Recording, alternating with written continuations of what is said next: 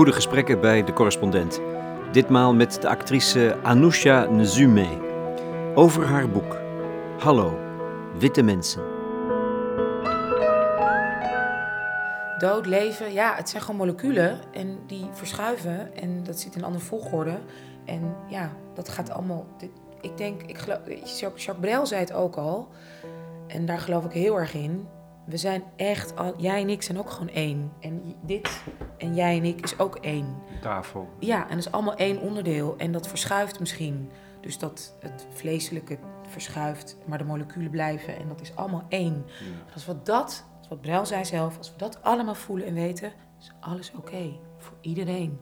En er is genoeg. Mijn vader altijd zei, er is genoeg voor iedereen. En dat zei dus ook in India. Dat zegt ook iemand als Jacques Brel. En ik wil zo graag, ja, dat zou zo mooi zijn als we dat, ja, dat leren. Welk liedje is dat? Het is niet een lied van Jacques Brel, zei het in een interview. Ze vroegen aan hem, hoe? We zijn één. Mooi. Maar dan toch niet in Nederland. En ook niet in de rest van de wereld. Het is een harde, droeve en bittere waarheid. Institutioneel racisme bestaat. Ik ben ervan overtuigd geraakt door een aantal van de goede gesprekken die ik heb gevoerd voor de correspondent. Zoals met Typhoon en Zini Eusdiel. Het zit diep verankerd in het maatschappelijk systeem en minstens zo diep in ons bewustzijn. Misschien kun je beter spreken van onderbewustzijn, want het is een enorme blinde vlek. Dat superioriteitsgevoel dat de witte mens met zich meedraagt en dat al eeuwen zijn wereldbeeld bepaalt. Niet eenvoudig om het te adresseren.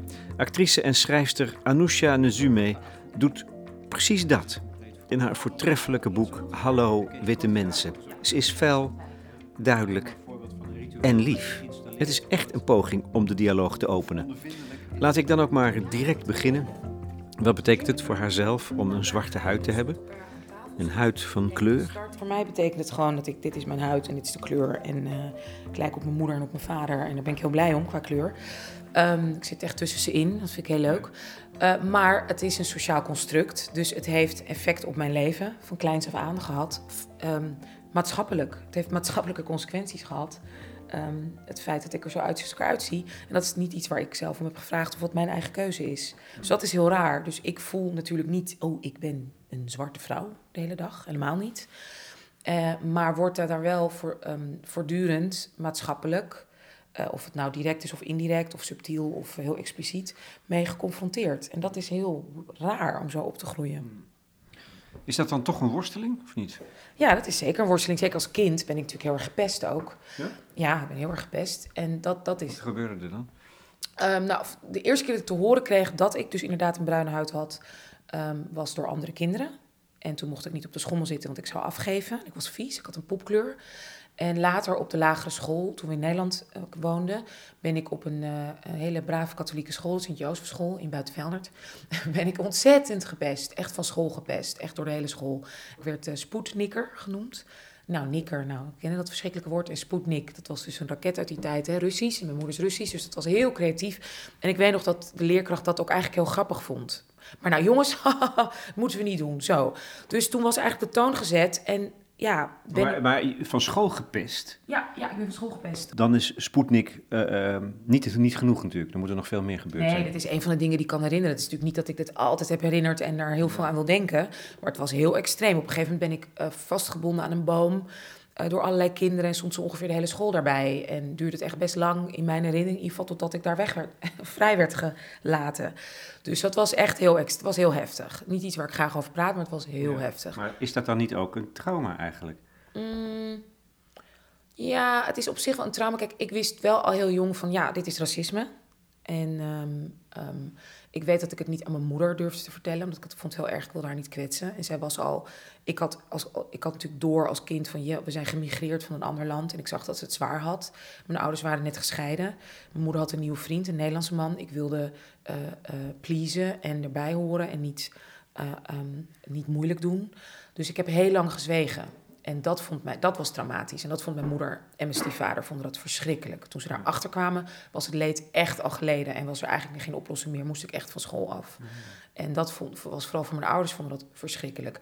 wat er is gebeurd vervolgens is, ik kwam op een andere school en ik heb gewoon heel duidelijk een soort klik gemaakt. En dat weet ik ook van een van mijn beste vrienden die homoseksueel is. Die zei, op een gegeven moment realiseerde ik me, oké, dit is wat ik ben. Iedereen ziet het kennelijk dus nu al. Hij was ook een kind. Wat ga ik doen? En ik, kan, ik had precies ook zo'n, ik stond ook precies op zo'n driesprong. Weet je, wat ga ik doen? Dit weer laten gebeuren? Ehm, ehm, weet je, of er tegen ingaan of, of humor, wat, wat ga ik doen? En toen heb ik ook besloten, F you, hier ga ik tegenin. Dit gebeurt niet meer. Dus op die nieuwe school op dag 1 had ik meteen ruzie met het knapste meisje van de klas. En ik had meteen volgens mij de stuursjongen van school map gegeven. en was het dus ook gewoon klaar. Oh ja, maar oh echt? Ja, Nou, vanaf, ja, maar, ja, maar dat zijn die ja. mythische momenten van dag 1, je geeft een jongen een map. Ja. Hey. Hele stoere jongen was dat ook, ja. Dus dat was zo'n mythisch moment. En toen was het ook gewoon Maar waar haalde je dan de kracht vandaan om dat te doen? Ik ben heel krachtig. Ik ben heel sterk. Ja, ik ben heel sterk. Ja, maar ondanks het feit, dat vind ik dus het ongelofelijke. Dat je van school wordt weggepest en dan die andere school binnenstapt en zegt, bam, hier ben ik. Dat vind ik ongelooflijk. Ja, ja nou, nou ja, goed. Eh, Ik denk dat dit het verhaal is van heel veel kinderen die gepest worden. Ehm, Nee. Nou ja, oké, misschien niet veel, maar van, er zijn kinderen die gepest zijn die zo'n beslissing nemen. Ik, het was een nieuwe omgeving, het was een andere school. En als kind van kleur ben je heel goed in dingen inschatten. Dus ik wist meteen, oké, oké, die kan ik hebben. Oké, dit, dit kan ik hebben, dit kan ik handelen. Daar was het te ver gegaan, was het te heftig. En wist ik dus ook, als ik hier te lang mee wacht, Ja. is het mis. Dus dat was wel heel, echt een beslissend moment. Ja, maar heel heftig. En daar betaal je een prijs voor als mens. Tuurlijk, tuurlijk. Maar weet Welke prijs? betaalt een prijs. eh, angst voor intimiteit, angst om echt jezelf te laten zien. Ik merk dat ik, weet je, dat duurt bij mij. Ik heb heel veel mensen om me heen. Ik ben ontzettend sociaal. Ik ben heel warm en heel gezellig met iedereen. Maar er zijn weinig mensen die ik echt vertrouw. En die ik echt, die ik bel als er iets met mij is. Ik ben eerder degene, mensen komen naar mij toe als er iets is. Of vragen mij advies. En dat vind ik ook heel leuk en vind ik ook heel fijn. En ik ben heel verzorgend en heel knuffelig. En heel erg, eh, weet je, voor dingen mensen ca- cadeautjes kopen. En goed onthouden. Oh, die vindt dat leuk, die vindt dat leuk. Maar als er iets met mij is, nou, er zijn nog geen vijf mensen die ik zou bellen. En daar ben je ook wel tevreden mee. Ja, ja, ja. Kijk, ik ben heel lang in therapie geweest. daar ben je dus niet tevreden mee.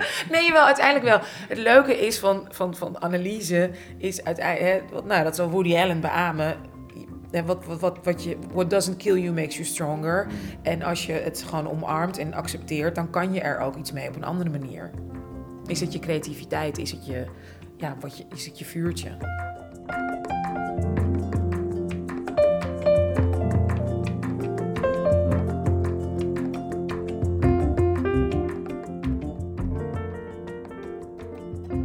Het vuurtje van de creativiteit laait lekker hoog op bij Anousha Nzume.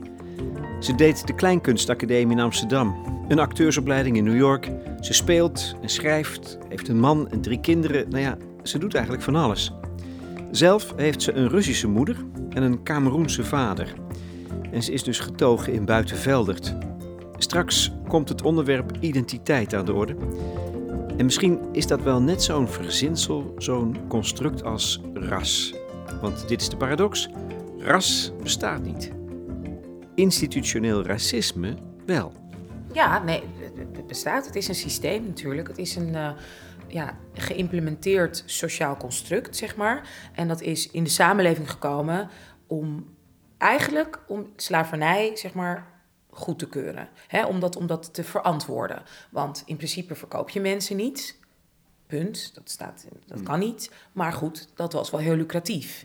En dat is natuurlijk heel hardnekkig. En dat speelt gewoon nog steeds door. Want we halen nog steeds alles uit Afrikaanse en, eh, en, Arabische en Midden-Oosten landen. Dus ja, het is nog steeds, we hebben er nog steeds baat bij om dat te kunnen doen zonder ons te schuldig te voelen.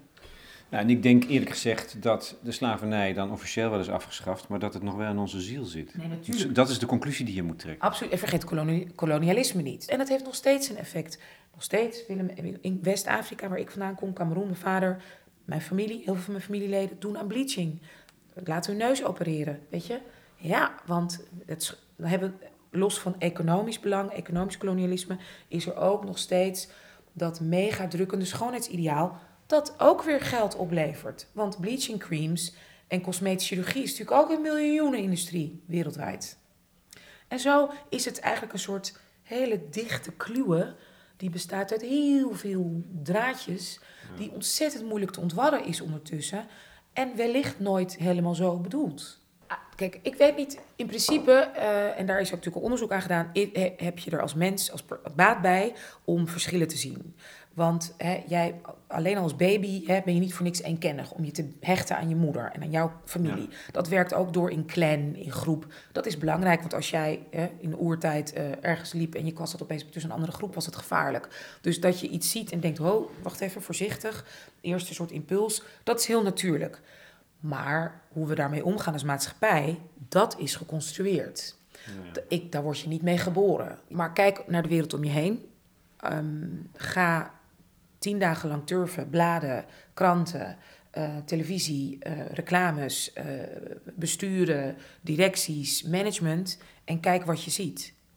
9 van 10 keer zie je wit, mannelijk, heteroseksueel, valide en met een bepaalde opleiding. Nou, dat, dat is dus dat is zo ehm, alom aanwezig en dat zien wij zo ontzettend als de norm, dat alles dat daarvan afwijkt al soort van onbetrouwbaar is. Terwijl als je kijkt bijvoorbeeld naar de grootste vorm van mondiale criminaliteit is witte bordencriminaliteit, is corruptie, is miljarden schandalen, banken, bla bla, bla, noem maar op. Maar wat zien wij als betrouwbaar? Een witte heteroseksuele man in pak. Daar rent niemand voor weg s'nachts op straat. Snap je? En toch hebben wij, is dat, zit dat zo in het maatschappelijk systeem dat dat de norm is. Dat dat veilig is. Dat die weten wat we moeten doen. Het is het model. Het is en als kind groep je, groei je op in een model. En dat, is dus, dat wordt een vanzelfsprekendheid. En op die manier vertaalt zich die oude erfenis van het kolonialisme en de slavenhandel. Ja, en daar hebben we economisch in het Westen, Ja. ik indirect ook, gewoon nog baat bij. Want we halen daar alles weg voor bijna niks. En we verkopen daar wapens. En oh god, hè, waarom lukt het daar nou niet, al die stammenoorlogen en toestanden? Terwijl, nogmaals, al die grenzen zijn door het Westen in 1880 gewoon bepaald voor die mensen. Wat je ook eh, even in het verder, eh, later in het boek aanhaalt, is aan het eind van het koloni- kolonialisme, bij de afschaffing van de koloniën, dat er nog even, wat, bijvoorbeeld in Cameroen, gigantische rekeningen worden Ja, belasting. Ja, ja, belasting, nog steeds. Er zijn heel veel Afrikaanse, West-Afrikaanse landen die belasting betalen in Frankrijk, waaronder ook Cameroen. Nog steeds. Ja, dat is ongehoord, vind ik. Ehm, een paar concrete dingen misschien. Om, dat, om, het, om het wat meer handen en voeten en gezicht te geven. Want het is een blinde vlek. Ja, waarom is het zo moeilijk om erover te praten? Omdat je het zelf niet ziet. Nee. Als witte, eh, geprivilegeerde, nou in mijn geval ook nog eh, man. En heteroseksueel, heb je me verteld. Dus- En heter, heteroseksueel. en valide, zie ik, ja. Nee hoor, dat is allemaal goed. Eh, een paar voorbeelden. Het Mauritshuis. Dat is eigenlijk een besmet instituut. Ja, eigenlijk wel, ja. ja. Maar goed, zo zien we, we dat niet. Het Mauritshuis is een prachtig museum in Den Haag. Een van de mooiste, oudste panden in Den Haag. Met prachtige kunstwerken, schitterend. En het was een privéhuis van de heer Maurits. Nou was Maurits iemand die eh, afgevaardigd was vanuit de Nederlandse eh, overheid... om in Brazilië, hè, was hij een soort ehm, eh, bestuurder, raadsheer... een soort belangrijk man daar in Brazilië. En dan staat er dus letterlijk bij de uitleg, ja, ik weet niet helemaal uit mijn hoofd, maar van ja, hij ehm, had ook een rol in zeg maar het. ehm, nou ja, het staat heel netjes geschreven, moeten we anders even opzoeken. Ja, zoek het, wil je het, wil je- anders Ja, wil je het ja. opzoeken? Dat is staat op de misschien... site, dat is wel mooi. Ja. Ja. want het staat zo heel keurig omschreven. Want dat is natuurlijk een, een instituut van onbesproken faam. Ja? Een, een, een visitekaartje van de Nederlandse cultuur. Ja, ja, ja. ja. Oké, Mauritshuismuseum. Oh, is dat nu? Ja. Hier, suiker en slaven. is dan zeg maar het kopje. Het Mauritshuis werd door sommigen ook wel spottend het Suikerpaleis genoemd. Daarmee werd niet alleen verwezen naar de licht gekleurde natuurstenen gevels, die noemen we even eerst, maar ook naar de dubieuze herkomst, dat is gewoon een institutioneel systeem, maar oké, van Johan Maurits inkomsten. In Brazilië verdiende hij veel geld voor de WIC met de handel in rietsuiker. Maar een groot deel van het geld kwam in zijn eigen zakken terecht. Maar nog bedenkelijker, Johan Maurits was de eerste die Hollanders bij de slavenhandel betrok. Punt. Punt. Dat is het. Dat is het. Dus met andere woorden, hij heeft de Nederlanders dus be- be- bedacht van... hé, hey, weet je wat we gaan doen? Want Ik heb het inderdaad een beetje uitgezocht. Man, we gaan ze gewoon verschepen. En dit is letterlijk één zin. Samen met de suiker. We hebben het over mensen, hè? suiker en slaven. Dus iemand die de, de slavenhandel heeft gebouwd, zou je kunnen zeggen. Dat is het. En dat zat ineens in. En als je dan het filmpje kijkt, is het ook zo'n heel kort een beetje la, la, la. Weet je, wordt het even ook zo eroverheen geglost. Maar zoals mijn dochter inderdaad zei, die in het Anne Frankhuis is geweest. En die, weet je, bezig is daarmee met haar identiteit. Ze is 13, ze wordt bijna 14 bezig met wie ben ik als mens, als vrouw, als meisje. Die heeft zoiets van, maar dat waren toch ook moeders en, en, en hun kinderen en hè, hun man of broer of opa. En hoe zat dat dan? Punt. Dat is eigenlijk schokkend, hè? En eh, of, is dat nou niet gewoon exemplarisch voor hoe het leeft en hoe wij er niet mee kunnen omgaan met dit verleden? Is dat niet die conclusie? Moet je, dat we daar eigenlijk gewoon ontzettend mee worstelen. Ja, ja, maar weet je, het, is, we, het zit zelfs voor worstelen. We worstelen niet. Hmm. In Amerika kan je zeggen, daar worstelen ze. Gaat ook niet allemaal goed, heel veel gedoe, maar daar wordt geworsteld. Hier zitten we zelfs daarvoor, want A, we weten het niet. Mijn dochter krijgt het ook nog steeds niet op school. Tweede klas op het gymnasium. Nou, ook één zo'n paragraafje. Er was slavernij, werd afgeschaft, punt. 1873 in plaats van tien jaar later ook nog eens. Dat zijn we ook allemaal gewend. Dus het, we zitten zelfs voor het worstelsysteem, voor het worstelmoment. het is nog een soort ontkenning en een soort. En hey, nogmaals, kan ik ons, jou, mij, niemand kwalijk nemen, want het gaat er niet over. Hmm. Het is een ongemakkelijke waarheid. En toen ik dit dus besprak daar, of als je het bespreekt, dan wordt iedereen ook alleen maar ongemakkelijk en verpest je het. Ja. Hé, hey, Jezus, moet. Het is zo'n mooi huis en die schilderijen van Rembrandt en Vermeer zijn zo mooi. Krijgen we dit weer? Ja, snap je? Bij wijze van spreken. Terwijl we, weer, we hebben, het, we hebben het er nog, we zijn nog eens begonnen met het gesprek erover. Wat zou het Mauritshuis moeten doen? Ja, nou ja, dit, dit, absoluut onderzoek. En weet je, richt, laat daar een vleugel over bestaan. Geef daar lessen over. educatieprogramma op scholen. Van hé, hey, dit hebben we en dit heeft het gekost. Laat de menselijkheid achter. Dus sluiker en slaven. Hou toch op. Ten eerste is tot slaaf gemaakt een slaaf alsof het een soort keuze is. Dat heb ik ook gevraagd. En ja, en dan, ja, ja, nee, hier moet iets mee. Maar ja, ik zie nu dus nog steeds niks mee gedaan. Weet je, ga ermee aan de slag. Er is een hele mooie organisatie, die Colonizer Museum, Simone Zeefuik, die ik ook in mijn boek aanhaal. Dit is haar levenswerk. Ga met haar, neem haar aan, geef haar gewoon een betaalde opdracht.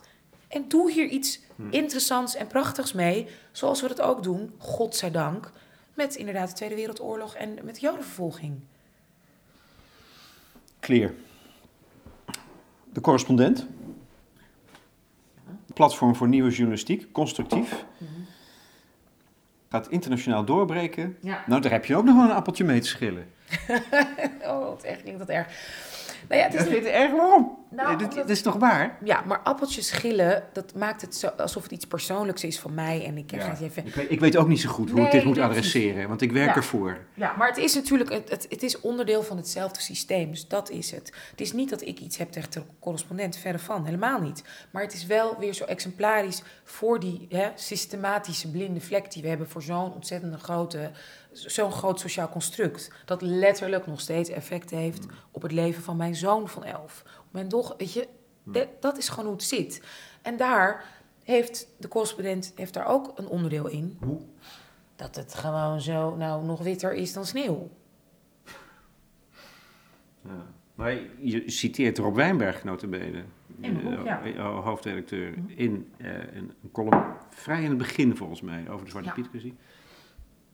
Wat hij doet is zonder een systeem inderdaad van institutioneel racisme, van te, te, te, zeg maar um, onderkennen, maakt hij het iets, uh, nou ik weet niet, meta of gaat erboven hangen en zegt van luister, kleur, het is, het is een sociaal construct inderdaad ras, dus met andere woorden, ras bestaat niet. Dus als jij er zelf mee zit, hè, ik zeg nu heel kort door de bocht, als persoon van kleur is het eigenlijk jouw issue. Want we zijn allemaal gelijk. Nou, hij zegt letterlijk als als je uh, Zwarte Piet als racisme benoemt, dan houd je dat sociale construct zelf in stand. Ja, ja nou, hartstikke leuk. En um, blaming the victim. Want wat hij, um, waar hij totaal aan voorbij gaat, is nogmaals dat er een maatschappelijke ongelijkheid is, as we speak. Dat de zoontjes van mijn vriendinnen van 16, 17 met een kleurtje, elk weekend gaan ze uit, kleden zich leuk aan, doen ze een geurtje op en gaan ze met hun vriendjes van hockey, met de drie witte jongens en twee donkere jongens uit. En weten die donkere jongens nooit zeker of ze wel of, of ze weer thuis zijn om 11 uur. Dat, dat neemt hij even niet mee in zijn verhaal en zegt dan tegen die jongens: Ja, maar jij ziet je kleur, jij bent ermee bezig. In plaats van, nee, er is een systeem gaande waarin een uitsmijter van een club beslist of die jongen wel of niet erin mag op basis van zijn huidskleur. Niet eens meer op gimpen, want dat draagt nu iedereen. Dat was het vroeger, was in mijn tijd. Maar dat is niet meer zo. Nu is het gewoon van er zijn er genoeg Marokkanen binnen. Letterlijk. En we willen niet te veel jongens zoals jij. Nou, en dat, dat even gewoon een heel simpel voorbeeld, maar dat neemt hij dus even niet mee. Dus dan is het, zijn het die jongens, is het hun probleem. In plaats van, nee, we leven in een systeem waarin die jongens niet alleen niet een club inkomen, maar er sneller worden uitgepikt, minder kans hebben op een hoger schooladvies, meer kans hebben om, hè, om aangehouden te worden, om een, een streepje bij hun naam te krijgen, meer kans hebben op een hogere straf voor eenzelfde lichte vergrijp, minder kans hebben op een taakstraf, minder kans hebben om een stage te vinden, minder kans hebben om een baan te krijgen en minder kans hebben op promotie. Daar gaat het mij om. Ja. Niet om wat die jongens voelen of wat ik voel, wat Rob Wijnberg voelt. Dat is mijn issue. Het is een maatschappelijk systeem.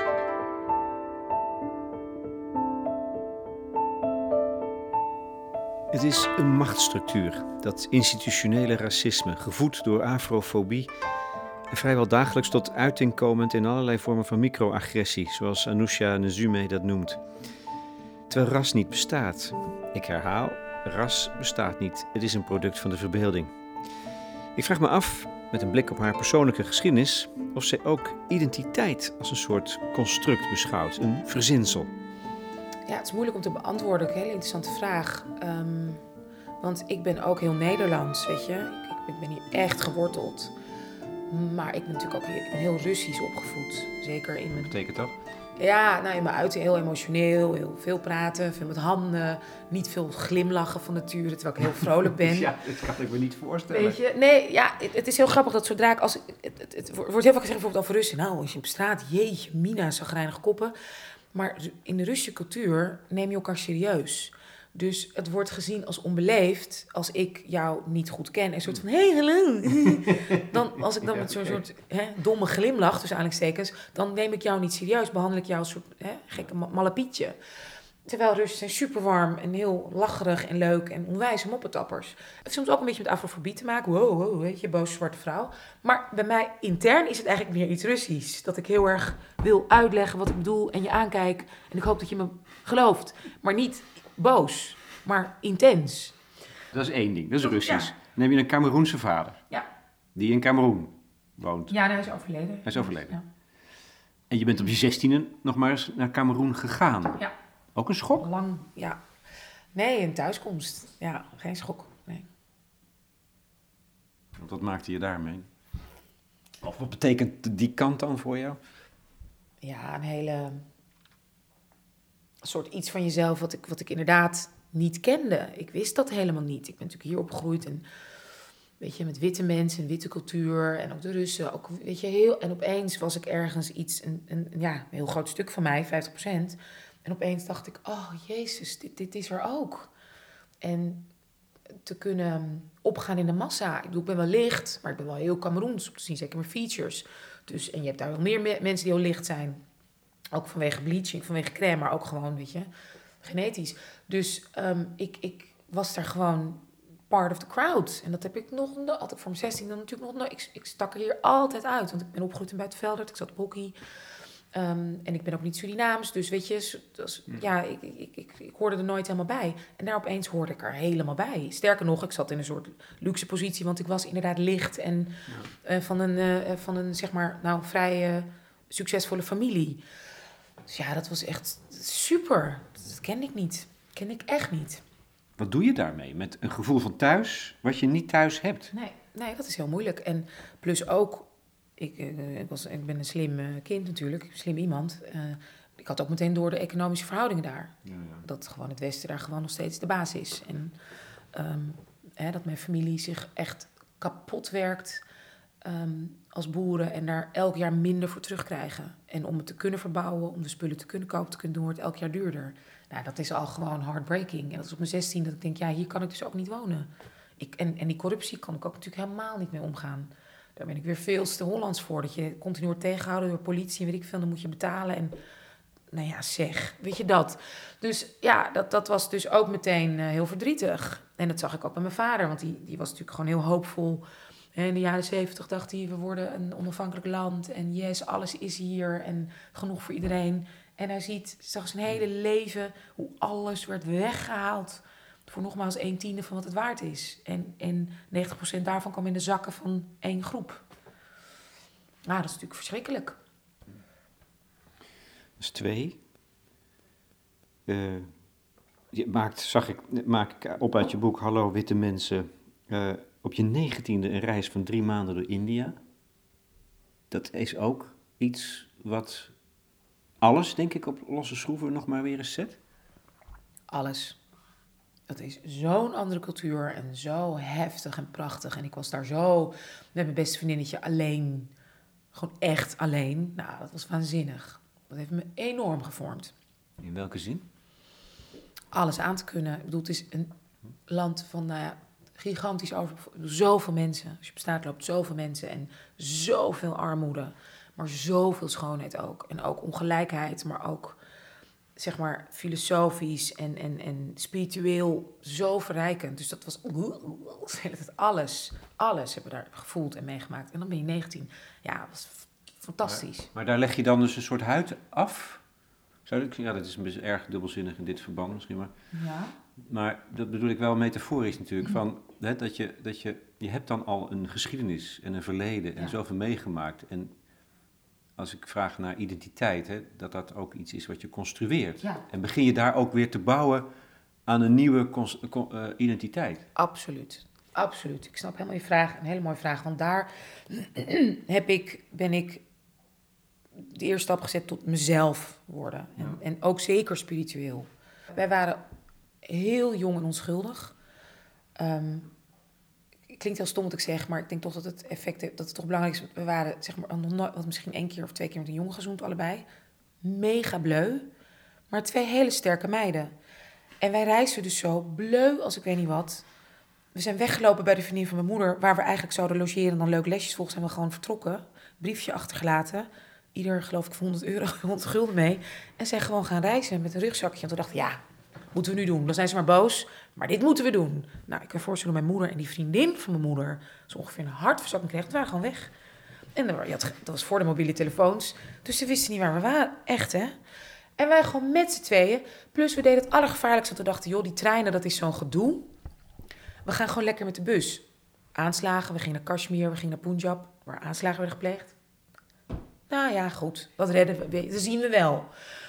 Dus zo in onze eigen kracht geloofd en daarvoor gaan. En toen hebben we dus op een gegeven moment hebben we twee jongens leren kennen, ouder dan wij, die ook zeiden, jullie kunnen, want wij zaten in een of ander ranzig hostelletje ergens met z'n tweetjes voor eh, één, eu- één gulden per nacht. En die zeiden, jullie kunnen bij ons in dat huis komen wonen van onze ouders, want wij zijn rijk, we hebben een groot huis in Kashmir. En ehm, ehm, kom maar gewoon gezellig. Geen ouders, hè? niemand daar in huis. Wij gingen gewoon mee met onze rugzakjes en spullen. Niet bang, hè? Nooit gedacht van, goh, misschien eh, gaan ze wat proberen. Echt niet. Gewoon helemaal zo'n soort onschuldig ouder. En dat was dus ook te gek. was prima. Terwijl die jongens die hadden wel eens heroïne gebruikt en weet ik veel. En eh, papa, weet je, want Kashmir is ook nog eens, het is moslim en hindoes. Nou, ook clash, maar ook mega spiritueel, Krishnamurti. En wij hebben daar, wij gebruikten helemaal niks. We dronken niet eens. Nachten met die jongens zitten praten over nou ja, being yourself en het soort ehm, licht dat, je, dat iedereen heeft en dat in je lichaam komt als je daarnaar luistert en in gelooft. En daar heeft zo'n jongen ook tegen mij gezegd van, hey, voel, weet je, durf daarvoor te gaan, waar en wat je ook bent. Dat is altijd van jou en dat heb je altijd bij je. Ook als je in de gevangenis zit of ter dood veroordeeld bent, is dat jouw connectie, bla bla, nou dat. Licht in jezelf. Ja. Nou ja, dat, ja. En toen snapte ik ook, ja, zoals jouw vraag, hoe kan het dat je dat beste overleeft? Nou ja, dat is dat. Dat is gewoon denken, gewoon in je licht durven staan. En daarom zeg ik ook in mijn boek, in het voorwoord, sta in je licht, weet je. Dit is van jouw land. Dit is van jou, tegen jonge mensen. Sta in het licht en doe, ga, zeg het, in jouw light.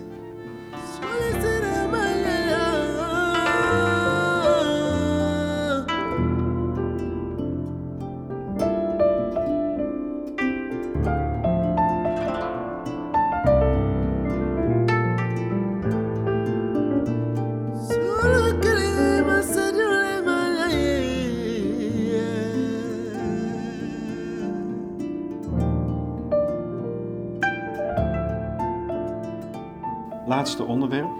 Het verzinsel van de witte man als verlosser. Ja. Want kijk, de vraag is natuurlijk van, hoe moeten we dit handelen? Als je het analyseert, en ik denk de belangrijkste boodschap is aan mij, zo lees ik jouw boek, Hallo Witte Mensen, wees ervan bewust. Hè, betrap, trap jezelf voortdurend op je staart.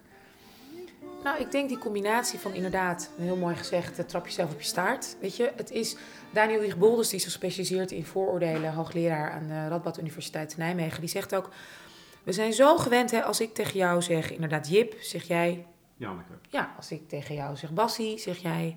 Andrea. Ja, dus om dat te veranderen, Hmm. als het is opeens nee, Bassie en Janneke, dat, dat gebeurt er even iets. Dus door jezelf op de straat te stappen, in ieder geval te realiseren, dus inderdaad, ik zeg maar wat, oh god, jongen met een petje, pff, krijgen we, oh, nee, ho, ga ik weer. Alleen al dat is vaak al genoeg. Ja. Dan hoef je nog niet eens eh, te gaan knuffelen, weet je wat mensen altijd zeggen. Ehm, dus eh, stap jezelf op je staart. Dus als iemand binnenkomt bij jou solliciteren voor een stage en je denkt, oh my god, afgezakte spijkerbroek, gouden tand, wat moet dit worden?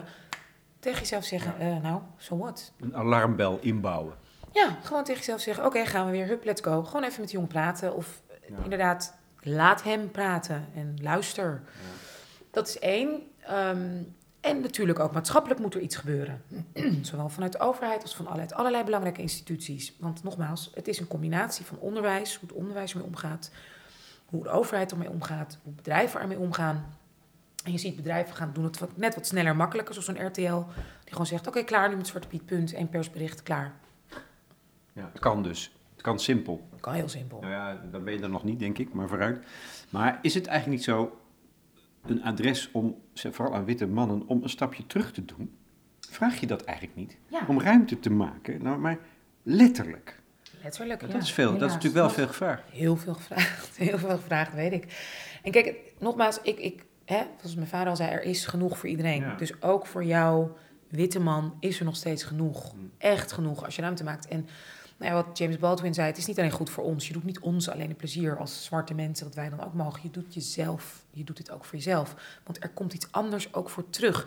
En dat is zo jammer dat dat, zeg maar, hè, even klassiek gezegd, in het klassieke Westen, die waarde niet wordt, dat niet wordt gewaardeerd. Die, die, dat vermogen dat we hebben om te zijn met elkaar. Als ik in Cameroen ben en ehm, ik ben daar met allemaal... me- ik zal je een voorbeeld noemen. Ik was in Cameroen. Mijn vader eh, was overleden. Hij moest begraven worden in zijn geboortedorp. Nou is dat een hele track. En officieel moet hij dan worden gedragen. Hij is gedragen door allemaal mannen, allemaal sterke jongens. Ehm, en dat is letterlijk 10 kilometer lopen. En je moet echt een berg op en een berg af. En dan moet je nog door een rivier. Dan pas ben je in het prachtige dorp, geboortedorp van mijn vader. Dat is een hele wandeling waar we vier uur over doen. Wij komen daar s'avonds aan met z'n allen, nat geregend, koud. Komt er opeens om half elf, zo ongeveer in haar eentje, een witte Hollandse stagiaire.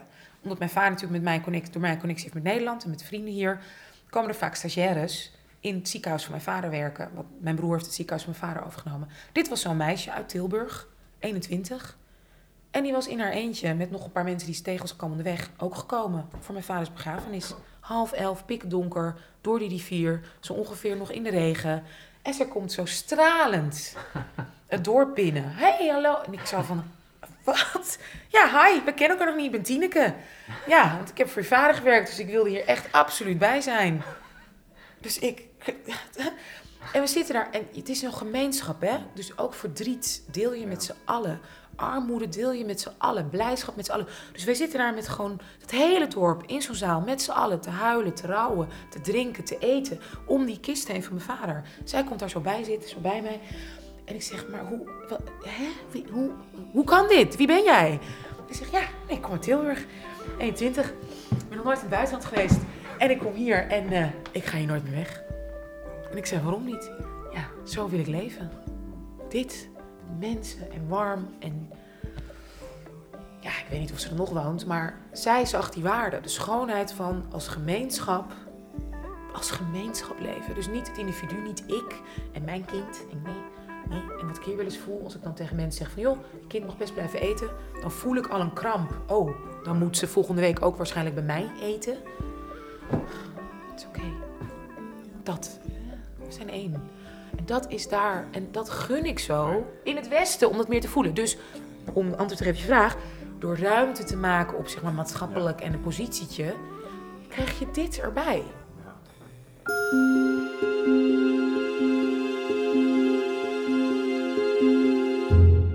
Anousha Nzume in gesprek met Lex Bolmeijer over haar boek Hallo Witte Mensen voor de Correspondent. Discussieer mee in het forum dat uh, volgt op deze podcast bij de Correspondent. Of laat een recensie achter bij iTunes, dat kan natuurlijk ook. En ik adviseer u om af en toe eens een bezoek te brengen aan de collega-podcastmakers van de Correspondent. Zoals uh, de leerlingen van de school die Romane Rodriguez begeleidt. En nu luisteren Manu bijvoorbeeld in haar laatste bijdrage over haar profielwerkstuk, over poëzie. Dat is al een werkstuk. En de collega's van de Rudy en Freddy Show zijn in vorm en die hebben een hooggeleerde gast, Bas Jacobs. En het begint met een zucht, maar daarna steken ze toch van wal. Dus dat is allemaal uh, nog meer te vinden bij de correspondent.